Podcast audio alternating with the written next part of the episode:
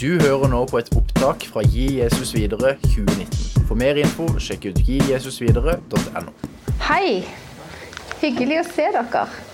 Jeg har gleda meg. Det er jo sånn at når du eh, forbereder et seminar, sant, så sier du 'Kjære Gud, hva i all verden vil du si?' Og vil du at jeg skal si? Så forbereder du deg, og så har du jo fått et oppdrag fra de som spurte deg, og det er jo veldig stas å bli spurt om å ha seminar. Og jeg føler meg altså ikke sånn da her kommer jeg. Jeg føler meg Skal jeg være sammen med dere som er bare så drevne og gode. Og mange av dere har gjort det dere gjør i mange år, og noen er nye og spreke. Og jeg er jo ei gammel dame med skråklipt hår. Det er liksom definisjonen på 53 år. Da begynner vi å bruke skråklipt jeg har akkurat hørt den definisjonen. Det syns jeg var så løye. Så jeg er 53 år, skråklipp og litt kort bak, vet du. Uffa da, jeg må gjøre noe med det. Nei da, det er så fint å være 53 år. Jeg har i dag altså kjørt over den brua to eller tre ganger helt til jeg skjønte hvordan jeg skulle komme hit. Jeg kjørte nå er jeg over brua igjen. Ikke kjøre der det ikke der det er. Vel, ok. Over igjen. Snudde langt opp i et boligfelt, og så kom jeg til slutt. Uffa da. Men iallfall, ja, jeg holdt på å si. Eh, jeg holdt på å si at når du forbereder deg, ja, så spør du Gud, og så forbereder du deg ut for oppdraget, og sånn og sånn. Og så, når det nærmer seg, da, så spør jeg igjen og sier kjære Gud. Så i dag helt konkret la jeg meg på hotellsenga. Bor på hotell, det er så kjekt. Apropos, jeg nevnte ikke at jeg var 53, ja, det gjorde jeg. Eh, det er så stas ennå å ligge på hotell. Så lå jeg der og sa kjære Gud. Er det noe jeg ikke har fått med meg, eller noe sånn spesielt du vil si? Og så opplevde jeg Gud sa følgende til meg. Temaet er nemlig ingen aldersgrense i Guds rike. Si til dem at uansett om de er unge og ikke har skråklipt hår Nå ser jeg at noen av dere som er yngre enn meg også har skråklipt hår. Bare glem det jeg sa. Dere er ikke gamle. Unnskyld. Jeg så det var noen fine med skråklipt. Jeg skal ikke se på dem akkurat nå, sånn at ikke dere skjønner hvem det er se opp i taket. Det er godt du ikke har film, for å si det sånn. Jeg bare holder på den når jeg holder på den når jeg ikke vil ha det med. Nei, nå snakket jeg litt. Eh, så sa jo, Hvor var jeg henne? Jo, så lå jeg der, og så jeg Gud sa Si til dem at det er ingen aldersgrense oppover heller. For det kan være at det er noen i dag av dere som kommer på konferansen og er sånn da, veldig klar der ute, liksom framoverlent. Gira på å få gi fra dere det dere har med dere, skråstrek ta imot. Og så kan det være noen av dere er sånn at dere tenker Kjære Gud, du må virkelig møte meg på denne konferansen. Og derfor tenkte jeg at vi skulle gjøre noe som jeg ikke hadde planlagt før jeg kom, til, kom hit. Og det er noe som gjør at vi faktisk må opp og stå. Og så skal vi lage en liten eh, Vi skal altså Det, er litt trangt her. Men vi skal rett og slett eh, be til Gud for hverandre. Og dette er faktisk noe av det vi gjør òg på IMI. Men da må vi ta vekk den, de sekkene og den stolen. Og så kan vi gjøre det. Og så kan vi stå Hvis jeg kan jeg få låne deg? Så skal vi stå sånn som en dere har, har dere hatt den der leken? Pro, pro, ja. Og så går vi gjennom og så ber vi om at Gud velsigner oss mens vi går gjennom. For jeg tror at mange av oss, og kanskje noen av dere spesielt, opplever at dere trenger at Gud møter dere og berører dere og gir dere nytt mot, nytt håp, helse, frelse fordi dere er glad i hva det nå enn skulle være. Skal vi gjøre det? Vi står, reiser oss opp, eller går ut her, og så stiller vi oss to i to, og så går vi gjennom sånn at alle får en velsignelse fra Gud sjøl denne dagen. Hvis dette blir kaos, så ber jeg om tilgivelse. For hvor skal vi gå hen etterpå, egentlig? Det er liksom ingen plass å gå. Ja, det er det. Ja, vi må ikke Ja, det kan vi gjøre. Når alle har fått stilt seg opp, så ber jeg en bønn før vi begynner å gå igjennom. Jeg kan begynne å gå igjennom, meg, sånn at jeg er litt, eh, viser hvordan det kan se ut. Ja, vi må gå lenger bort her.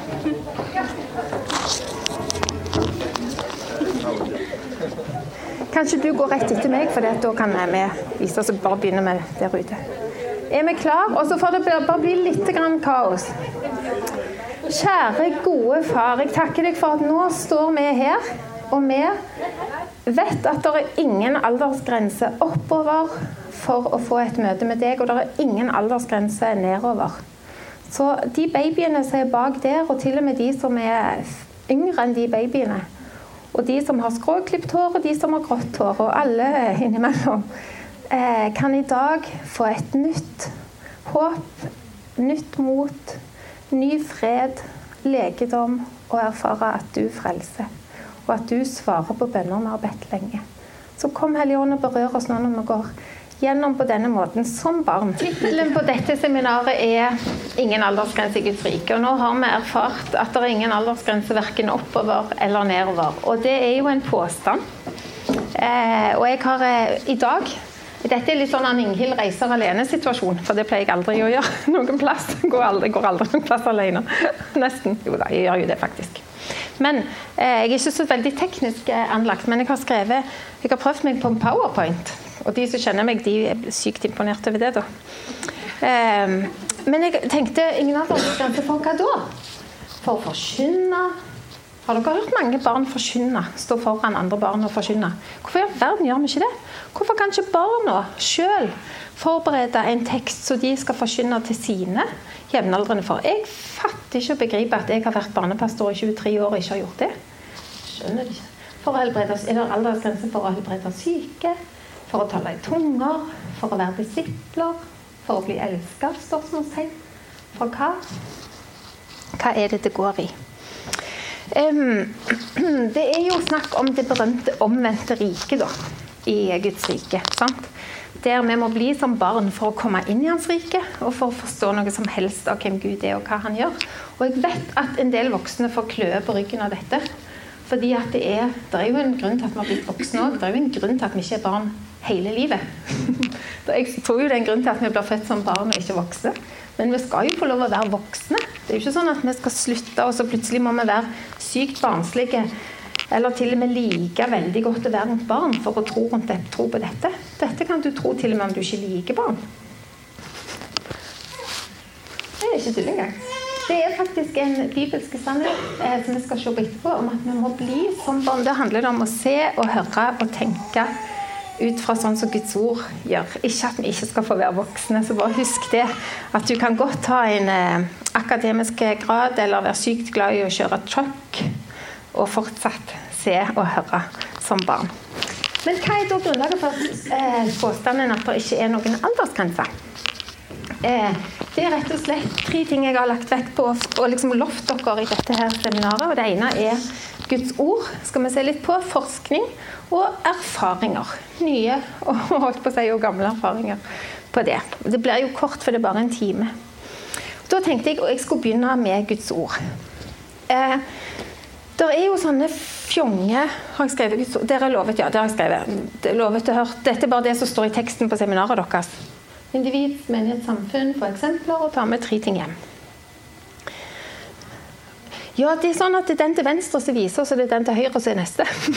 Vi må se til venstre. Yes, takk. Ok, i Guds ord. Eh, er det noen av dere som har denne appen med at du leser Guds ord på et år? Bibelen på et år? Jeg gjør det i år. Skal, for å være helt sann og oppriktig, så er det, er det, to måneder jeg ikke leste hele måneden. Så den må jeg gjøre i januar-februar, tilsvarende mars og juli. Du ligger godt an. Ligger godt an, da? Ja, ja, ja, Takk. Takk. Jeg har en mann som ligger helt à jour hele tida, hvis jeg føler meg bra. Men det som slår meg, nå er det november, så det betyr at selv om det er to måneder jeg ikke har lest Guds ord dette året, så har jeg lest veldig mye mer Guds ord i år enn jeg noen, ikke noen gang har gjort. For jeg har lest Bibelen på et år før. Men det er ikke så ofte jeg leser så mye Guds ord hver dag. Og det er to ting som slår meg. Og det ene er dere, altså Ingebrigtsen-brødrene, nå Johaug og de som gjør seg klar for ski det er så mye trening som skal til. Det er ikke bare rett trening og teknikk, men det er veldig mye mengdetrening. Og jeg opplever jeg har holdt på med mengdetrening når det gjelder Guds ord i år. Eh, og mye Guds ord merker jeg gir meg kraft. Jeg merker når jeg leser Guds ord, selv om det kan være fra tredje Mosebok med loven om sopp på hus, liksom. Men det er som ikke så interessant kanskje alltid. Men mye Guds ord gir en kraft som jeg kjenner at jeg vil ha tak i. Mye trening gjør at du springer fort eller langt eller ikke blir så. Så det som det har vist meg, da, det er at det nesten ikke er en dag Nesten ikke en dag uten at Gud sier til sitt folk dette må dere gi videre til neste generasjon. Han er så enormt opptatt av slekt. Så jeg har skrevet en setning her som er litt på kanten. Jeg har skrevet at Gud har tydelig fokus på fellesskapet mer enn individet. Og det, er, det kan veldig godt være at dere kan diskutere meg på det, for den er skrevet litt på kanten. For jeg, jeg mener ikke at Gud ikke er opptatt av individet. Jeg mener bare at Gud har et utrolig stort fokus på fellesskapet. Ikke bare i kjernefamilien, men i det hele folket. Når Gud, jeg kan ikke tro på disse stolene, for de var så fint stoff på. Men når Gud var opptatt av å si noe viktig, så sa han dere må få hele folket til å komme. Og da sa han og kvinner og barn, for det var jo ikke en selvfølge. Hele folket. Han, så, han er så opptatt av, av, både hva han har gjort, om sannhetene, og få gitt dette videre. Så Gud sjøl, både i Det gamle og Det nye testamentet, er veldig opptatt av slektene og neste generasjon. Og så lar han i punkt to helt opplagt Jeg er sikker på at mange av dere vet om mange enkeltpersoner i Bibelen som har stor betydning. Men ingen av de opererte alene, og ingen gjorde det. Altså, de fikk med seg enten det var hele folket, eller de gjorde en forskjell, sånn at kongen gjorde noe nytt i landet sant? og ikke drepte jødene osv. Altså, de hadde betydning. De, ikke, de sto ikke alene. For alene så er vi så mye mer sårbare. Gud tenker stort. Han tenker land, byer og områder. Og når, vi, når jeg sa at på seminaret skal vi ha om individ, eh, grupper og samfunn, hva om vi tenkte uansett hva vi gjorde, uansett hva jeg gjør Nå jobber jeg på KF-skolen, jeg har vært barnepastor, jeg jobber frivillig i IMI med barn og familier. Hvis jeg tenker når jeg går på jobb, eller når jeg går frivillig på jobb, så skal jeg tenke Gud, bruk meg til å forandre Stavanger. Ikke Gud, hjelp meg nå i dag med den klassen. Skjønner dere forskjellen? Det er noe med hvordan vi tenker. For at vi skal se sånn som Gud ser. At han ser at møter han en person, en gruppe, én en sammenheng, så kan det gjennomsyre et samfunn og gjøre en forskjell. Og det trenger vi i 2019. I skolen, i politikken, i næringslivet. Hvor som helst trenger vi det. Og vi trenger å se sånn som han gjør, og se stort på det hele. Og han ser òg stort på ungene. Jeg har fått en salme til dere som jeg opplever jeg har lyst til Det er ikke som jeg opplever jeg har lyst til, det var voldsomt innadvendt sagt. Eh, jeg har lyst til å lese Salme 139. Når jeg leste den, så tenkte jeg på dere. Og den er til dere med tanke på både de personene dere er som sitter på de stolene dere gjør nå, eh, og òg som et uttrykk for hvor vanvittig verdifulle de små er i hans øyne. Eh, og det er Salme 139 fra vers 1 til 18. Herre, du ransaker meg og vet, du, eh, og, og du vet, du vet om jeg sitter eller står, og på lang avstand kjenner du mine tanker. Om jeg går eller ligger, ser du det. Du kjenner alle mine veier. Før jeg har et ord på tungen, Herre, kjenner du det fullt ut. Bakfra og forfra omgir du meg. Du har lagt din hånd på meg. Det er et under jeg ikke forstår. Det er så høyt at jeg ikke kan fatte det. Hvor skulle jeg gå fra din pust? Hvor kunne jeg flykte fra ditt ansikt? Stiger jeg opp til himmelen, er du der. Legger jeg meg i dødsriket, er du der. Tar jeg, på, nei, tar jeg soloppgangens vinger og slår meg ned der havet ender, da fører din hånd meg også der. Din høyre hånd holder meg fast. Jeg kan si la mørket skjule meg og lyset omkring meg bli natt. Men mørket er ikke mørkt for deg. Natten er lys som dagen, og mørket er som lyset. For du har skapt mine nyrer. Du har vevd meg i mors liv. Jeg takker deg for at jeg Hør folkens på dette, han sier det til deg og meg. Jeg takker deg for at jeg er så underfullt laget. Underfulle er dine verk, det vet jeg godt. Parentes bemerka. Hvis du er rundt et barn som er trygt på at det er elska, så er de ganske frimodige på å si hvor bra de er. Har dere lagt merke til det? igjen, hadde vi ikke hatt ungene, så hadde vi voksne glemt det. Og hadde vi bare hatt hverandre, så hadde vi ikke kommet på det. Men det er veldig bibelsk. Det er veldig bibelsk å skulle være fornøyd. For hør hva han har gjort. Knoklene mine var ikke skjult for deg da jeg ble laget på hemmelig vis og vevd dypt i jorden. Dine øyne så meg da jeg var et foster. Alle dager er skrevet opp i din bok, og de fikk form før en av dem var kommet. Dine tanker, Gud, er dyrebare for meg. Summen av dem er ufattelig. Teller jeg dem, er de talløse som sand. Blir jeg ferdig, er jeg ennå hos deg. Det er så sterke ord til oss. Og jeg har, selv om jeg leser Bibelen på et år, så har jeg liksom vært litt spesielt i Salme 139. Et år var jeg faktisk et helt år i Romane 12. Et helt år i et kapittel, så det er litt sånn fra den ene grøfta til den andre i mitt liv, kanskje. Men det er noe med å få landa i Guds ord og la det få prege oss. Og det er som sagt to perspektiver på Salme 139, både til oss og et Guds rike perspektiv av hvordan vi skal få se på ungene. Som er forma i mors liv, og som er verdifull ikke bare når de blir 18 år. I Salme 90 står det om å gi det til neste generasjon. I Dommerne 6 Hvis vi rekker det, så kommer vi tilbake til Dommerne 6. Og det har litt med denne her votten å gjøre. Eh, det er Gideon.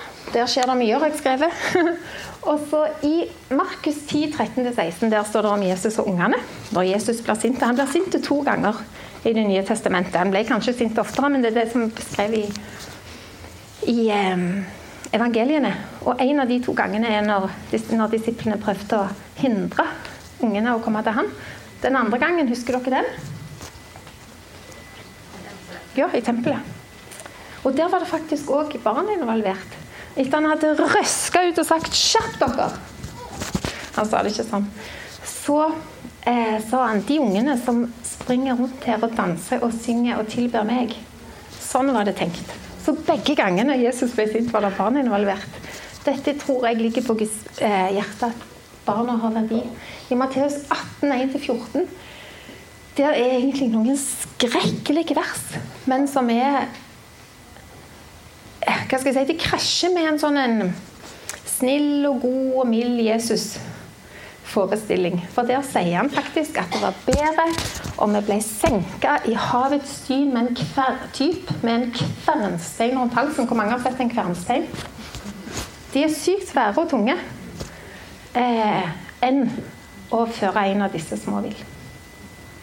Og i samme avsnitt sier han Ok, Hvem kan komme inn i Guds rike? Så tar han et barn, setter det på en stol så alle kan se det og si dere må bli som det barnet. Og det, Derfor har jeg inni hodet mitt kalt det barnas tro, at han anerkjenner barna sine tro. Igjen, vi skal få være voksne, men derfor må vi fylle med hvordan er det barn tror. da. Sånn at vi som voksne kan bli smitta av troen. Så skal vi som voksne fortelle hva Gud gjør, hva han har gjort og hvem han er. Begge deler gjelder. Ingen aldersgrense verken opp eller ned. Ja, Det var litt om Bibelen. Jeg vet at dette går litt kort. Det jeg kan si, det er at jeg har skrevet ei bok. Eh, og Ingrid, som sitter bak oss Ingrid, du må vifte. Ingrid er en av mine favoritter. Det er mange favoritter, men hun er også absolutt en av de. Som eh, sa at eh, du, jeg vil du skal ha seminar på, på å gi Jesus videre. Der står det faktisk mange lister med hvordan Gud, Guds ord viser noe om hvordan Gud tenker om barn. Jeg rekker jo ikke på den timen å gi dere alt om det, men det går an å lese mer. Og jeg har et bitte lite bokbord der ute hvis dere har lyst på bok. Eller må kjøpe, dommen. men Men det, ja, sånn er det. Forskning. Det var veldig dårlig serie, for det viser jo mest ikke svart på grått, men sånn var det. Forskning. 1800-tallet. Da skal jeg faktisk finne noe i boka.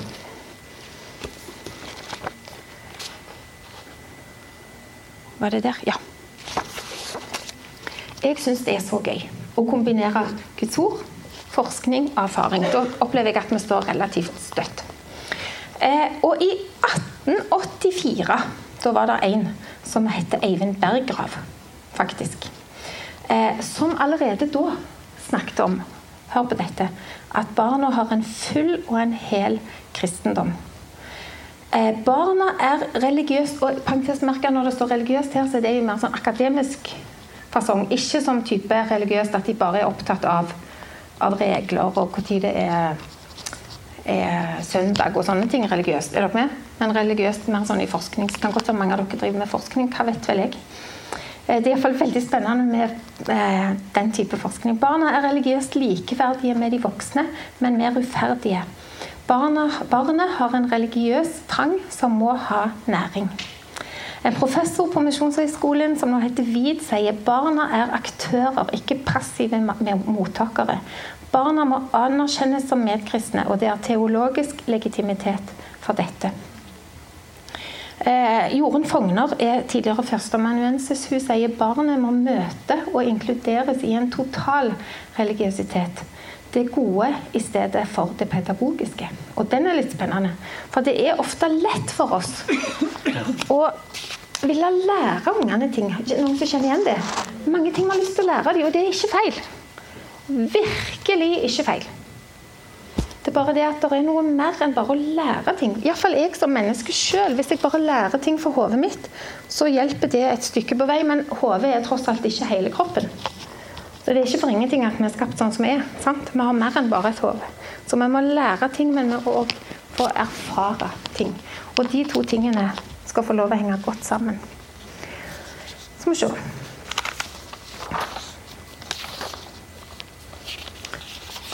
Eh, det, hvis det er spørsmål, og sånt, så går det jo an å, å prøve underveis og se om vi kan rekke. Skal vi se Guds ord har jeg tatt. Sånn, dun.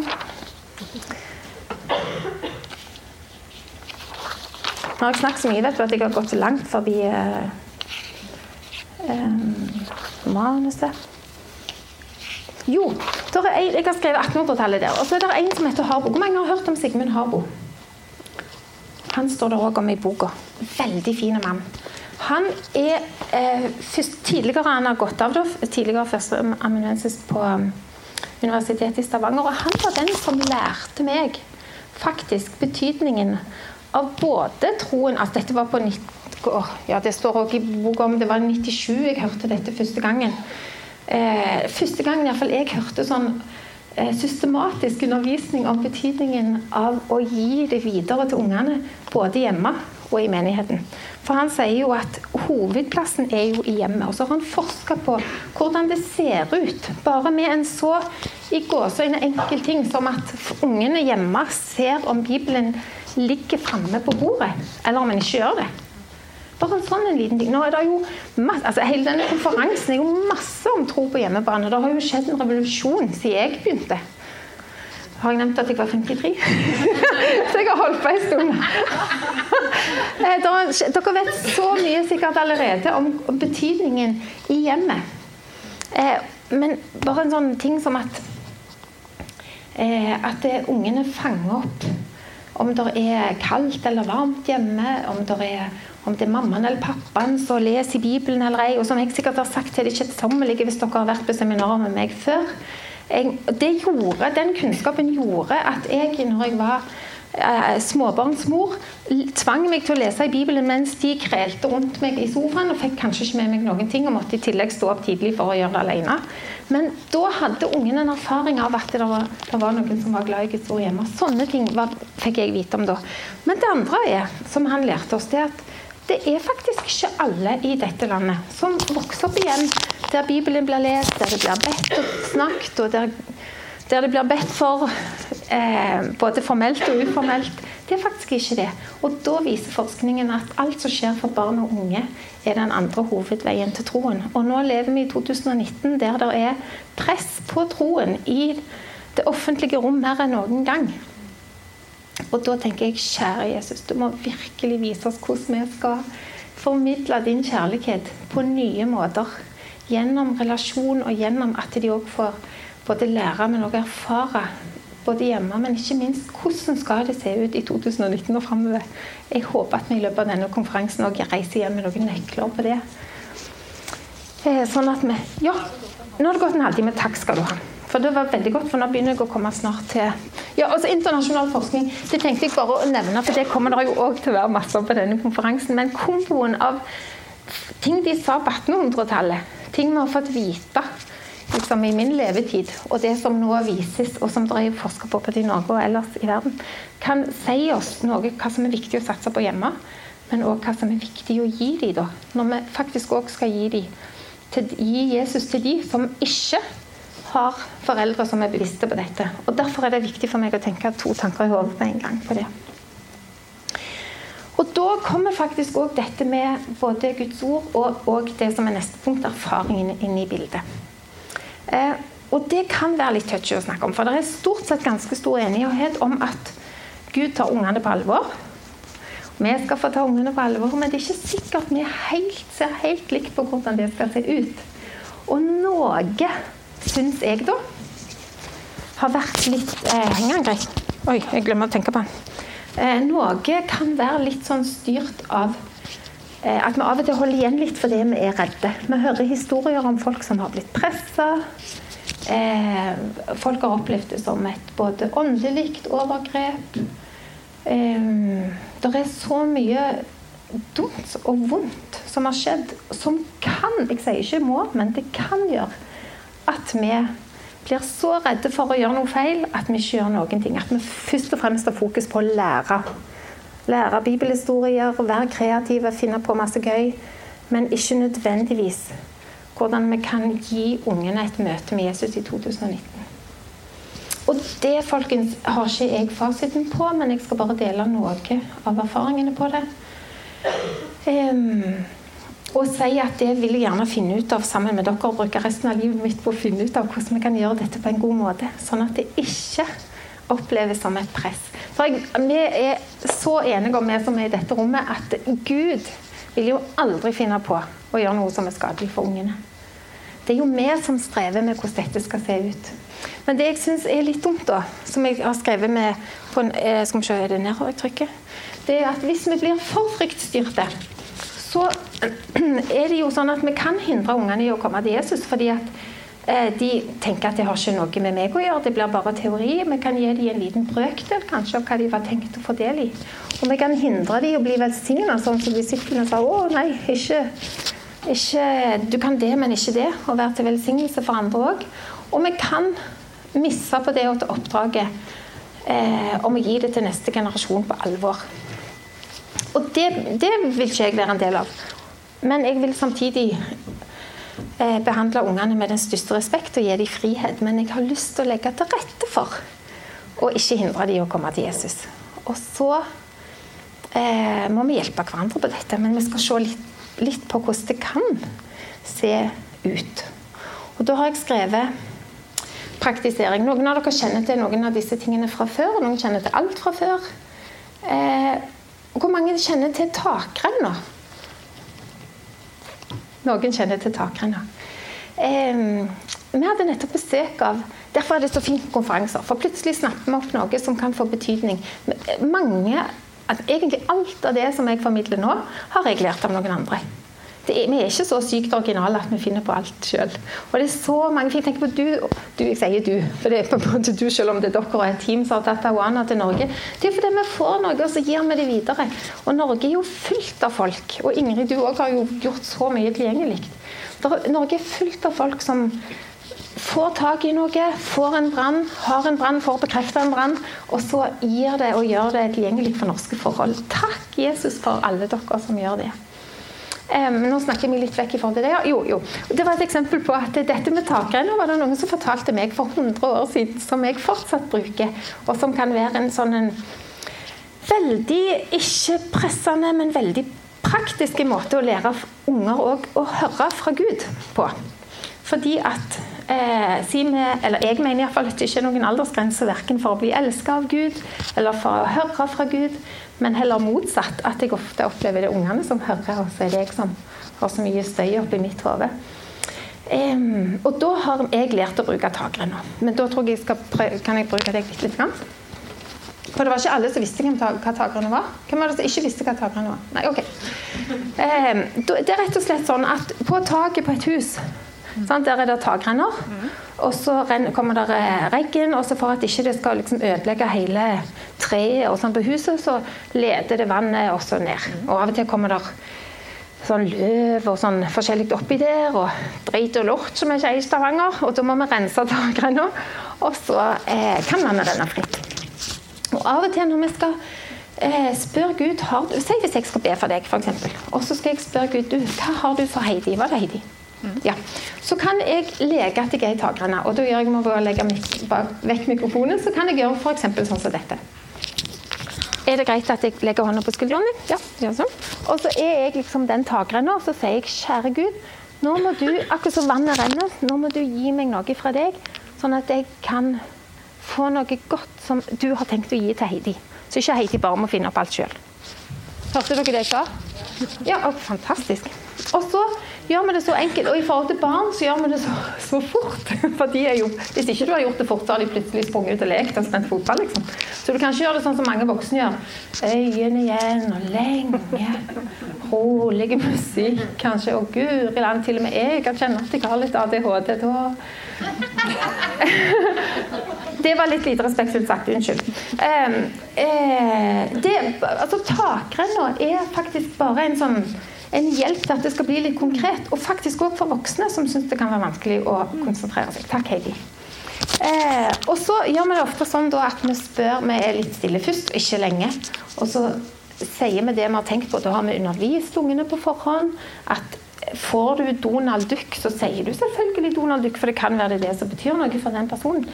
Men eh, du skal i alle fall ikke si noe annet enn noe som bygger den personen opp. Du skal ikke si noe som er dumt, som er slemt, den slags ting. Og så har vi undervist barn hvordan det vil si å høre fra Gud på forhånd. Er du med? Og da er bl.a. takrenna en sånn helt konkret eh, situasjon som faktisk etter så mange år fortsatt blir brukt. Jeg var i en sammenheng på Agenda, en agendasamling, og da var det noen et annet sted i landet også, som brukte den, som hadde glede av den. Og den kan du òg bruke for voksne, for å være litt sånn Ja, sånn var det, ja. Nå holder vi på å lytte og be istedenfor at vi bare står og tenker på andre ting. Var det spørsmål for takrenna? Nå forteller jeg det jo litt fort og kort, men ja. Er det den personen som blir bedt for, som hører fra Gud, eller er det du som formidler til Gud? Ja, vi gjør begge deler. Når en, hun spør om det er den personen som blir bedt for, som hører fra Gud, eller de som ber. Og vi pleier å gjøre begge deler. Ofte så, Si hvis det er du som har blitt bedt for, så er det tre stykker rundt som sier 'Kjære Gud, hva har du for?' og så navnet ditt. Så spør jeg ofte 'Fikk du noe? Tenkte du på noe sjøl?' Og så sier de det. Og så deler de andre. Av og til er det ingenting. Og av og til når, når barn er med voksne og ber for andre voksne og andre barn, så kan det være fordi at barn er jo enormt relasjonelle, så kan det være litt skummelt å si hva de fikk til deg. Og da sier de kanskje til meg 'Du, jeg fikk jeg tenkte på, Det skjedde for ikke så lenge siden, men jeg tørde ikke å si det der da. Så gikk jeg bort og sa det etterpå. Så, noen av de som ba for at jeg fikk dette. For hvis ikke vi er venner, liksom, hvis ikke vi er venner, så blir de fort veldig beskjedne. Men hvis vi er venner og kjenner hverandre, så tør de lettere å dele det. Eh, og med, Det er ikke noen sånn type at du må få at du elsker Gud. De kan få lov å dele det de får. Og så Av og til blir det jo bare masse tull. Alle sier Donald Duck, liksom. Alle sju. Good for you, liksom. Det er ingenting som er feil, og det er ingenting som Å nei, det var ikke ordentlig nok. Her er vi alle under opplæring. Og så har jeg skrevet bilder på ark. og Når du sa det var gått en halvtime, så lurer jeg på om jeg kanskje ikke rekker det. Men jeg kan forklare det. Jeg tok med ark i tilfelle vi hadde rukket det. da. Det kan være litt sånn svevende der med å få bilder. Det tror jeg faktisk mange voksne òg syns. Jeg kan synes det er litt svevende sjøl av og til. Men vi snakker om å få bilder fra Gud. Det betyr at det kan være du Hvis, nå, hvis jeg sier colaflaske til dere, hva tenker dere på da? Ser dere for dere ei colaflaske? Sånn kan det være å få et Ja, da var det colaflaske. Sånn kan det være å få et bilde fra Gud. Altså, Bibelen er jo full av folk som hørte fra Gud. Eh, og han Gideon, han var Guri land, han var yngst. Jeg leste nettopp en konge som ble åtte, var åtte år da han ble konge.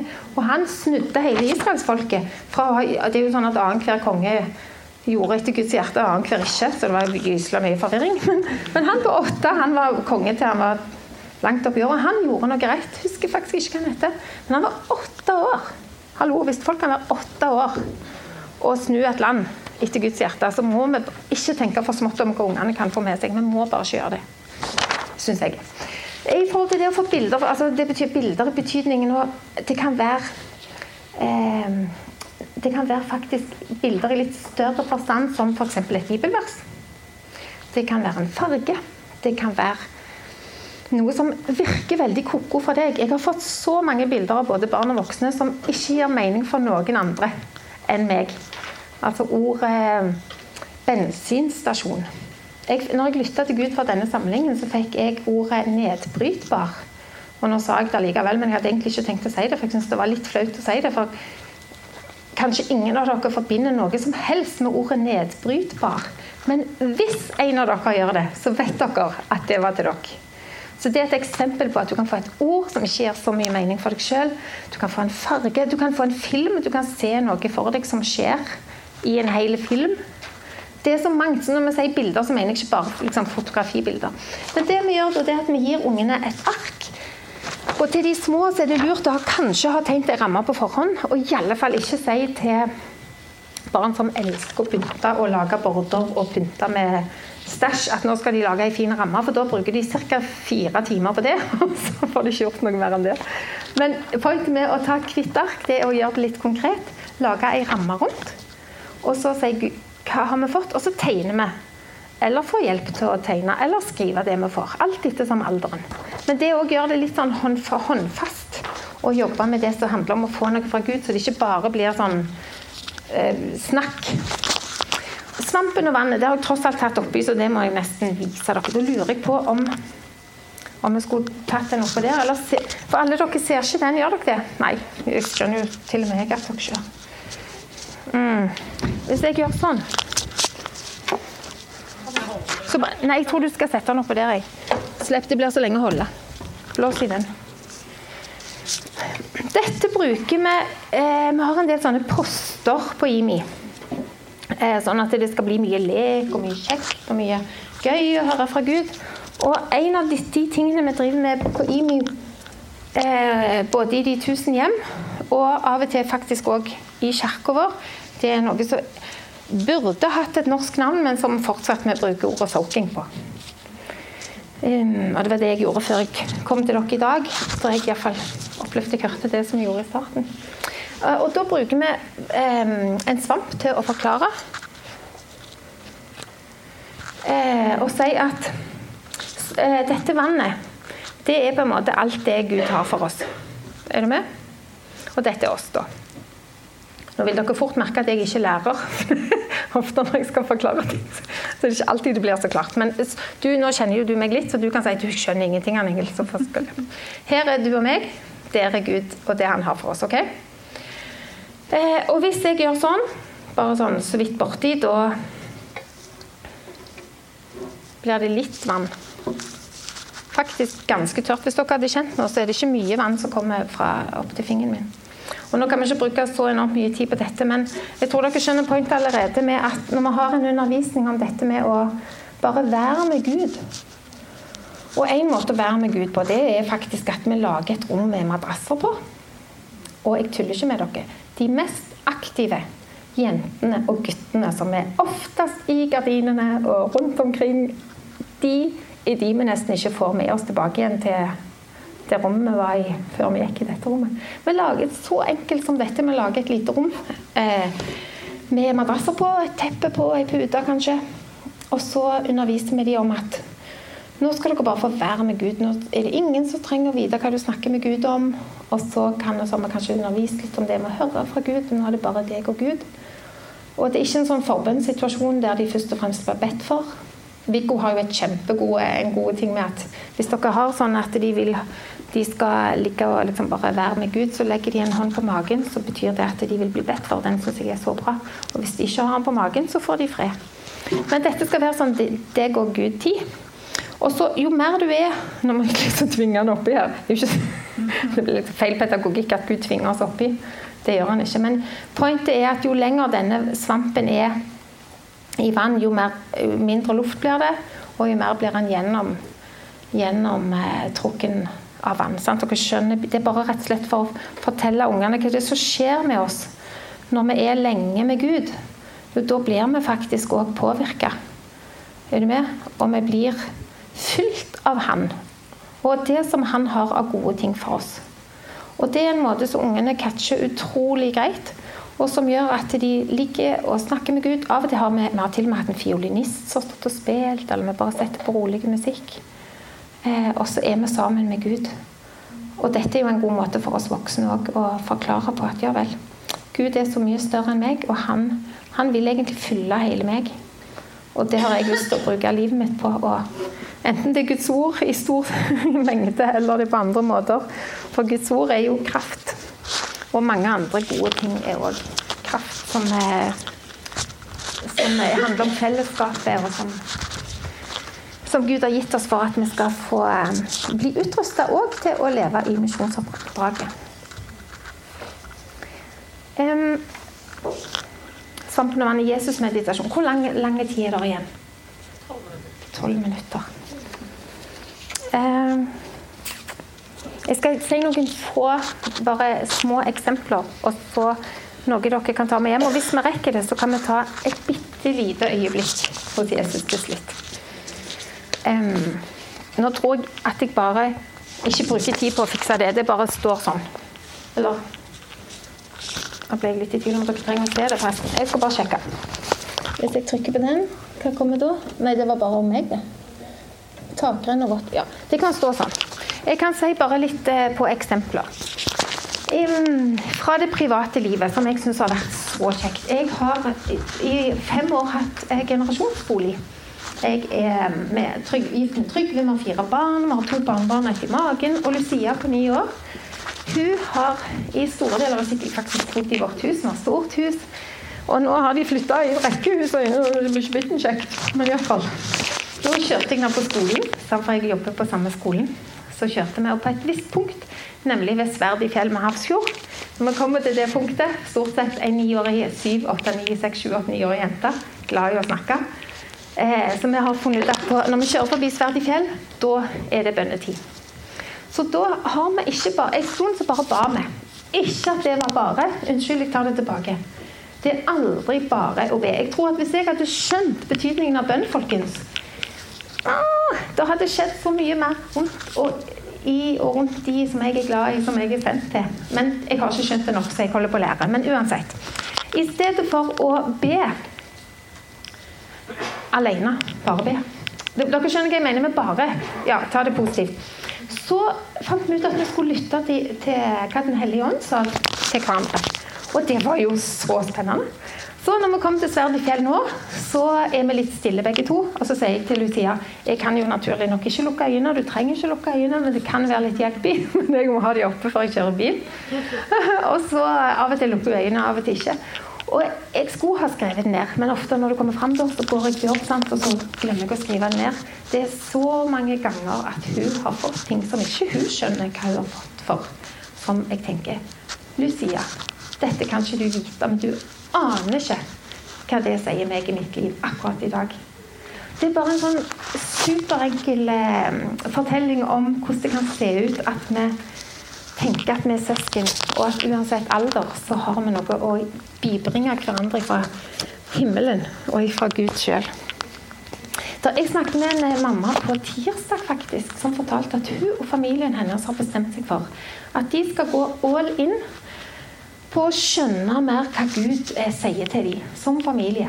Altså, de har en liten sånn, en eh, prat rundt middagen hver dag på om de har drømt noe, eller tenkt på noe spesielt. Og hun sier det er så fantastisk å høre hva både voksne og barn eh, hører fra Gud, og hvordan de hører fra Gud. Og de har bare bestemt seg for at dette skal de gjøre som familie. Og det skjer ting som hun tenker Hun sier at jeg nesten jeg ikke tør helt å fortelle det til alle, for det blir at folk tenker er dere blitt helt ko-ko? Men som jeg, når jeg hører, tenker Hallo! I Bibelen sa han drømte Gideon, som jeg, jeg, tror ikke vi kommer til å rekke å si så mye om. Ok, Den firkanten der, hvis den er tørr, så og så videre, sant? Gud og Og hvis den er blaut Da skjedde kjempemye rart i Bibelen. Hvis ikke vi skal tenke at det kan skje i dag i 2019, da må jo Gud ha gått og lagt seg. Og det har han virkelig ikke gjort. Han har virkelig ikke gjort det, så vi må skjønne hvordan det ser ut i dag. Um, der er eh, foreldre som tar med seg barna på helbredelsesrommet på lørdagene. har vi helbredelsesrom fra 10 til 12. Så har vi et bord der som er beregnet for barn, som de sitter og tegner. Og så sier den ene, det ene barnet til, til mammaen sin du, dette tror jeg er til noen som skal komme her i dag. Og det utfordrer jo mammaen så enormt. For mammaen tenker ja vel. Og så viser det seg at den dama som denne, dette var til, f.eks. et eksempel da bare blir så møtt av Gud og opplever seg så sett av Gud som ingen andre kunne bare ha funnet på. Eh, bare fordi at det satt en gutt og tenkte. Eh, og så tenkte han dette tror jeg er til noen mamma. Så det er, altså det er Unger som legger Bibelen under hodeputen, og marerittene forsvinner. Altså, de gjør ting som jeg ikke hadde kommet på å gjøre. Jeg hadde aldri kommet på det. Så jeg tror vi må bare innse at Gud eh, skjønner at vi voksne trenger ungene. Og at ungene trenger oss. Og at vi trenger hverandre. For at dette skal bli bra. Jeg har lovt dere én ting til. Og nå har jeg egentlig gjort den ene takrenna. Eh, Den har jeg eh, i forhold til å ta med dere hjem. Sorkingen har jeg faktisk allerede lært dere litt og sagt at det, det handler Det er ikke det at det er saliggjørende å legge seg ned på en madrass og ligge på ryggen. Det er absolutt ikke det. Men hvorfor skal vi ikke gjøre det likevel? Skulle an tenke sånn. Frihet trenger absolutt ikke gjøre det, men du kan hvis du vil. Eh, og så Votten. Det var rett og slett eh, I, i eh, Dommerne 6, da. Der er det sånn at Husker dere Dommerne 6 og Gideon? Hele forskjellen i den historien Nei, altså, sånn Måten du bruker historien på, det å si ehm, Nå må du eh, ta, gå bort og, og Altså Vorten snakker til og gå på hånda hennes. Skjer selvfølgelig ikke. Når Gud får puste inn sitt, eh, sin ånd i det vi holder på med, så, så kan Vorten gå bort til deg og ta deg i hånda. Altså, det er bare så, det er sånne små eh, små eh, hva skal jeg si, ting dere kan gjøre for å forklare ting til unger, på, og som kanskje til og med for oss voksne er viktig å få med oss for at vi skal bare Å ja, Den hellige ånd er hele forskjellen. Altså, jeg kan Jeg kan eh, Jeg kan slutte å se på TV og bare ha barnegrupper hver dag i huset mitt. Men hvis ikke det er Gud som puster på det jeg gjør med sin Hellige Ånd, så stopper det liksom med at det var en kjekkestund. Og det er liksom den historien om Gideon et eksempel på. Gideon var den yngste. Eh, og Gud tok fra han liksom flere, flere og flere folk. Og så vant de over midjanittene fordi at Gud pusta på dem. Og det, det kjenner jeg at jeg er så lite utlærte på som jeg kan få blitt. Og jeg trenger å få være en del av et fellesskap med andre for å få se hvordan dette kan se ut. Um, vi må se hva er klokka nå. Jeg lurer på om vi skal Fem minutter igjen. Da tror jeg faktisk vi skal slutte med å få lov å være. Har dere spørsmål forresten først? Kommentarer eller spørsmål? Ja. Hva er eh, Nå er det jo litt sånn Ja. Om aldersgrense, men hva er den nedre aldersgrensa på denne madrassen? Fordi ofte så Ja. opplever at det er veldig mange små som ikke klarer å ligge i ro. Ja. Jeg vil, altså Vår erfaring er fra Vi har pleid å bruke madrassen ja, Unnskyld. Spørsmålet er hva er den nedre aldersgrensa i forhold til madrassen og når det gjelder soakingen? Eh, med å liksom få være sammen med Gud. Og når vi gjør det på eh, IMI, der vi har gjort det i kirka, så har vi gjort det fra eh, grupper som er fem år og oppover. Men på mange andre måter lar vi de òg få erfare at Gud òg kan være nær og være stille. Vi driver og eksperimenterer litt med stillhet. Både i det store rommet, altså når alle generasjoner er sammen, men òg i de enkelte gruppene. For det er så lett for at vi girer oss opp på så mye lyd og eh, sånn, lyd og tjo og hei på et vis, eh, for å liksom holde oppmerksomheten. Men vi prøver å gå litt andre veien og strippe det litt tilbake igjen. Og det får vi til på andre måter enn dette med akkurat med madrasser. i forhold til de små. Så vi har best erfaring når det gjelder i det organiserte. I kirkene eller i gruppene med å gjøre det fra fem år oppover. Da har det funka genialt. Men det må forberedes veldig godt.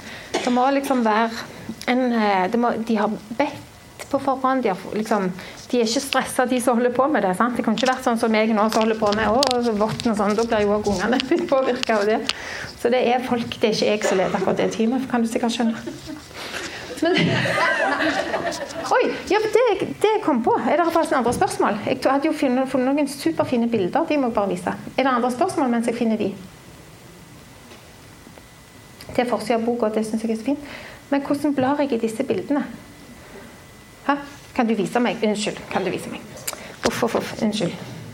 Er det sant? Takk. Det vil jeg bare si. Gi Jesus videre. Det er min bror og meg. Jeg ble snauklipt når jeg var liten.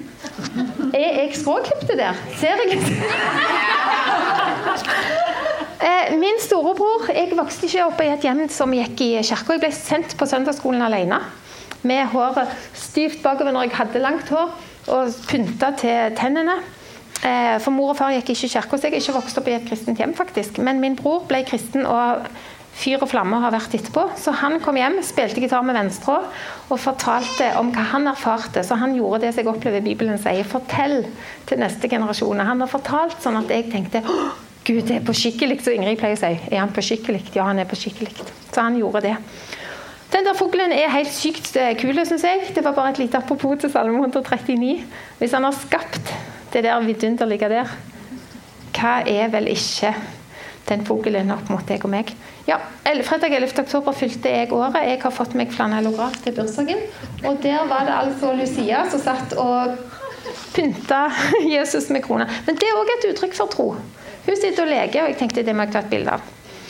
Det er et bilde for meg som sprenger litt erfaringene mine av at eh, at vi, altså, det, det viser meg en gutt som er bare helt totalt sammen med Jesus, og ikke på en måte er opptatt bare av om det er kake ute på bordet. Og den gutten er blitt for meg litt sånn Kjære, kjære Jesus, til mine barn og barnebarn. Til de barna jeg er sendt til i Stavanger, på skolen, i kirka, i nabolaget. La meg få formidle Jesus, sånn at flere gutter og jenter kan stå sånn i gåseøyne. stå sånn. Dere skjønner, jeg vil, Poenget er ikke at vi må stå sånn armene ut. Men ha et gudsliv som ser sånn ut. Og at de skal få være frie og glade og disse og få være barn. Og av og til er det jo dødtrøtte mødre og fedre som har foreldre. Men du, i Markus 10, vi skal avslutte med det. Så, nå er vi, ja, har vi fortsatt et minutt?